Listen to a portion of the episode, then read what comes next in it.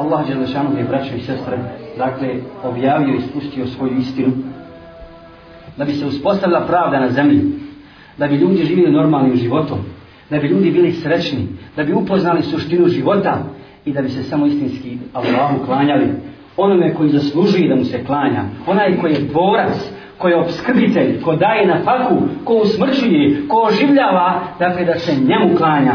I vallahi, nema, danas se puno govori o slobodi ličnosti, o slobodi čovjeka, a tako mi Allaha čovjek ne može, braćo i sestre, doživjeti istinsku slobodu i nema istinske slobode bez potpune pokornosti Allah. Bez potpune pokornosti Allah. I samo jedno, tako kaže nam pjesnik, samo jedno padanje znači uzdizanje a to je padanje Allahu na seždu. I onaj ko ne bude robovao Allahu, robovao će bilo kome drugom. Robo, a to je zulum. To je zun prema samom sebi. To je nasilje kako ćeš obožavati onoga ko ti ne može ni koristiti ni štetiti. A okrenuti leđa gospodaru, gospodaru svjetova.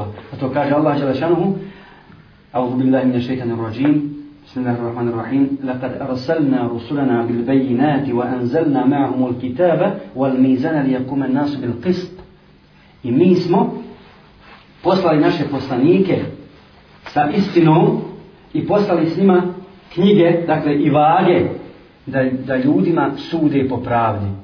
Da ljudima sude po pravdi.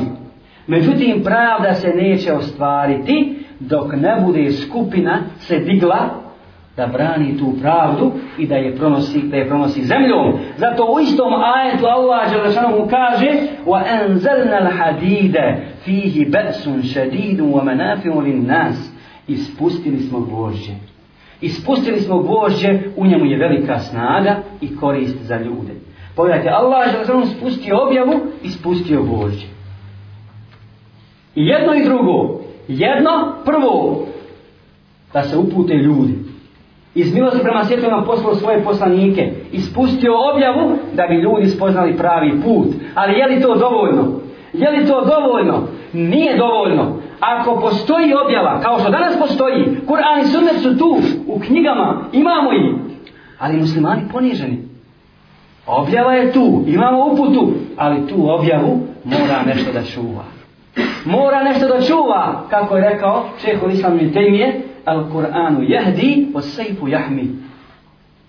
Kur'an upućuje, a sablja čuva. A sablja čuva, zbog toga je propisan džihad. Da otklanja prepreke s puta davi. Da otklanja, ne da, čini zulum, da se čini zulum narodima, nego da do ljudi dođe Allahova istina. Da do ljudi dođe Allah, jer sve duše teže ka istini. A istina je, a istina je samo jedna. Istina je samo jedna. I pogledajte kako su muslimani ostavili to. Kako su ostavili borbu i ostavili džihad s kojim su čuvali ponos svoj i ponos svoje vjere, onda su propali. I vidite što se kod nas dešava. Kad smo ojačali u Bosnu, onda dolazi Dayton.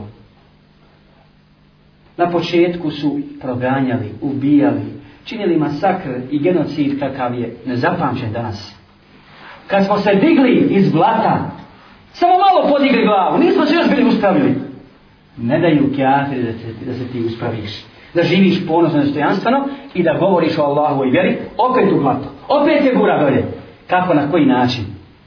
Kad smo imali svoju vojsku, svoje naučanje, tako je s svim državama islam muslimanskim.